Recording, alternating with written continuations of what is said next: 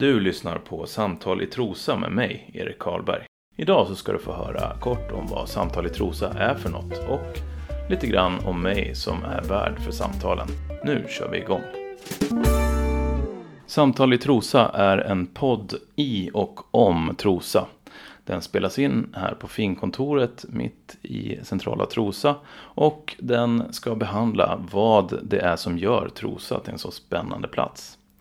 Vi kommer i podden att få träffa både inflyttade och infödingar, permanent boende och sommargäster.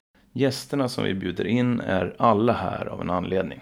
Och den anledningen kommer vi få höra mer om i varje avsnitt. Men vi kommer börja med gästernas relation till Trosa. I Samtal i Trosa kommer du få höra gäster som är butiksägare, krögare, kändisar, influencers och en och annan lokal kändis. Samtal i Trosa kommer ut ungefär en gång i veckan med start i september. Så se till att prenumerera och häng med och har du tips på någon som vi borde prata med skicka ett mail till mig på erik Alltså erik Min egen relation till Trosa började väl när jag var liten skulle jag tro. Eh, vi eller jag är uppvuxen på Mörkö. Och eh, det innebär ju att Trosa egentligen är den närmsta staden. Men eh, med tanke på länsgräns eh, och så, så åkte man ju alltid norröver. Vi gick i skolan i Hölö, ja, inte för att det är större än Trosa direkt, men vi gick i grundskolan där och sen hamnade vi på gymnasiet i Södertälje och alla bussarna går ju åt det hållet och sådär. Ehm, men eh, så, så Trosa för mig var ett ställe dit vi ibland åkte och handlade. Ehm, vi ehm, tog något foto, så här barn, ehm, ja, foto på alla, på alla syskonen när vi var små. Det gjorde vi här i Trosa och det där är något minne som består förmodligen med hjälp av det där fotot lite grann. Men annars så var min relation då bara att, att ja, att vi åkte till Trosa och handlade. Eh, vi gick på leksaksaffären, eh, strosade runt ibland när vi, när vi gjorde någonting.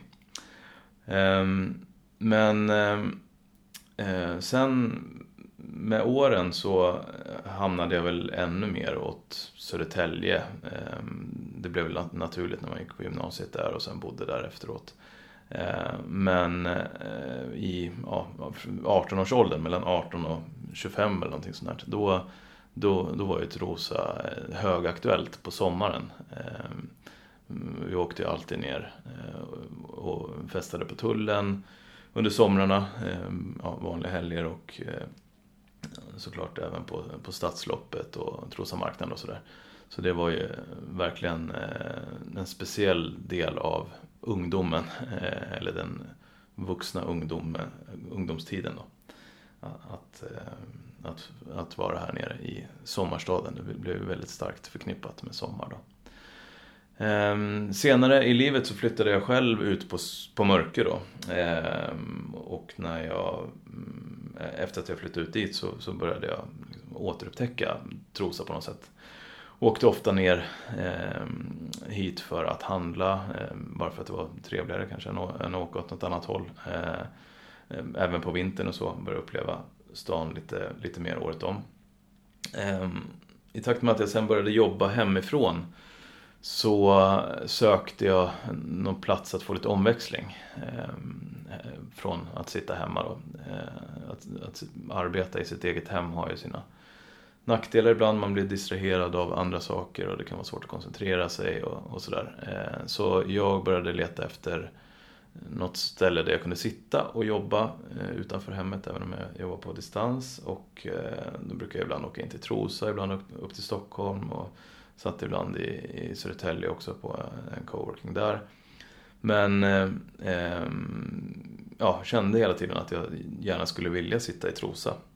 Så Ehm, och i Trosa så fanns det inte jättemycket kaféer sådär på vintertid. Sommartid är det ju jättemycket platser att sitta på. Så, men på vintertid var det i alla fall för några år sedan lite glesare med platser att sätta sig på och jobba på ett café. Så någonstans där för ett tag sedan så föddes eh, idén om att starta en coworking för, eh, eller i Trosa då.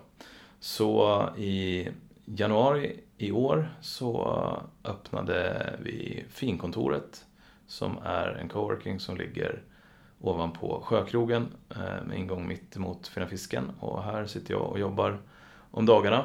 Eh, så jag hoppas att det är i alla fall eh, något, något slags bidrag till, till Trosa från, från mig. Då. Eh, och här eh, sitter folk över dagen ibland, eh, några sitter några dagar i veckan eller mer. Och eh, jag själv sitter i princip varje dag och jobbar här från Finkontoret.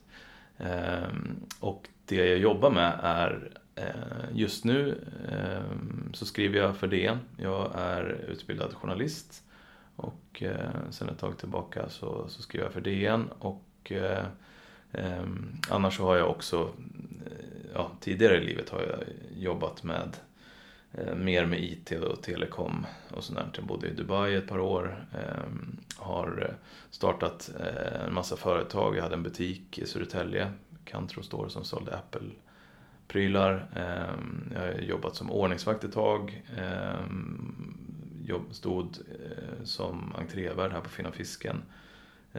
Ibland under de somrar och hjälpte till att bemanna den funktionen. Eh, så ja, jag har gjort ganska mycket olika saker. Eh, men som sagt, nu är det journalistik och eh, att pyssla om finkontoret här i Trosa som jag håller på med. Så ja, det var väl lite kort om mig. Annars så bor jag då på, ute på Mörka och med min fru.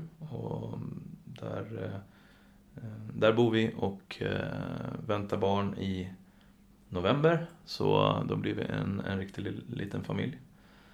Ehm, ja, så det är lite kort om eh, vem jag är som då är eh, värd för de här samtalen. Så det är jag som kommer att prata med gästerna som vi bjuder in hit till Samtal i Trosa. Och eh, det ser jag fram emot väldigt mycket. Det finns mycket intressant att grotta i vad det gäller Trosa och alla dessa personers relation till, eh, till staden och eh, vad de pysslar med i livet. Så det ska bli jättekul. Eh, jag hoppas att eh, du lyssnar in och eh, hänger med. Prenumerera på podden i din eh, favoritpoddspelare och du kan även gå in på samtaletrosa.se och lyssna på avsnitten där eller prenumerera med rätt länkar därifrån också. Så vi hörs här under hösten.